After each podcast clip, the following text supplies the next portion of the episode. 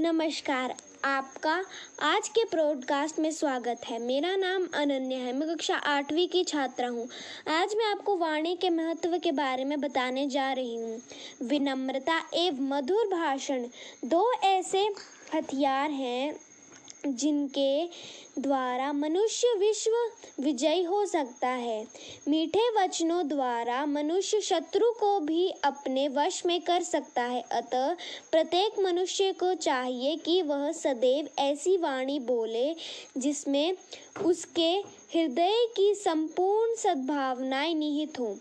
ऐसा करने पर उसे भी प्रसन्नता की प्राप्ति होगी और संसार में भी सुख व्याप्त होगा। मधुर वाणी एक ऐसी औषधि है जिससे मन का अहंकारी भाव समाप्त हो जाता है। कागा, कागो, धन, हरो, कोयल, काकू, देत, तुलसी, मीठे वचन से जग अपनो करी देत। मधुर भाषण अमृत है और कटु वचन विष के समान है।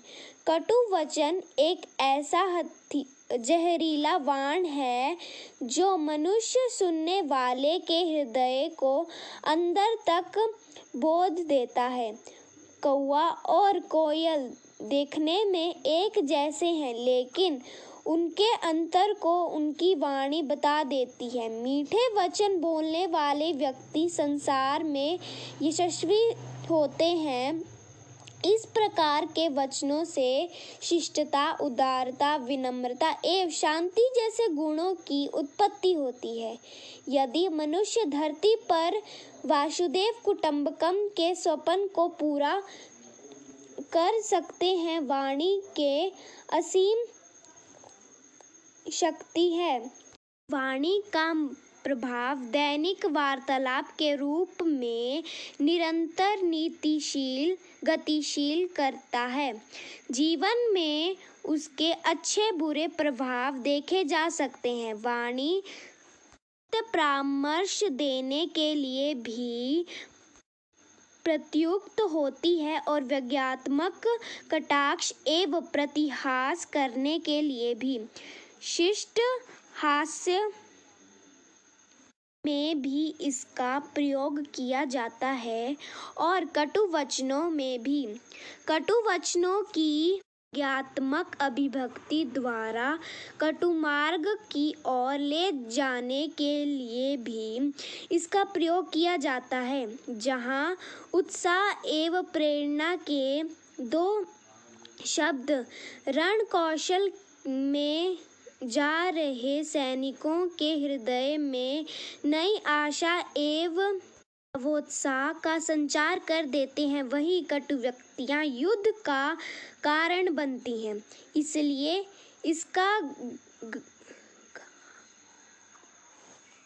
इतिहास गवाह है। द्रौपदी के कटु वचनों महाभारत के युद्ध का कारण बने। हट्टा कट्टे आदमी का मनोबल मात्र दो वचन गिरा सकते हैं। वास्तव में शब्दों में अद्भुत चमत्कारी शक्ति भरी पड़ी है। श्राप और वरदान इसी चमत्कारी शक्ति के दो रूप हैं। साहस और पुरुषार्थ वाणी द्वारा प्रकट होकर आश्चर्यचकित कर देते हैं। सुभाष चंद्र बोस ने इन वचनों की तुम मुझे खून दो, मैं तुम्हें आज़ादी दूँगा। ने संपूर्ण जग समुदाय को अपने, उनके साथ चलने के लिए बाध्य कर दिया। द्वितीय विश्व युद्ध में पराजित इंग्लैंड वासियों का मनोबल बढ़ाने के लिए चर्चिल ने नारा दिया।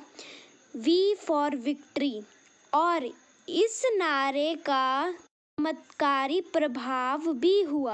तो हमें ये समझना चाहिए कि वाणी में एक महत्वपूर्ण निष्कृत रूप में अमृत तथा विकृत रूप में विष का कारण बनती है।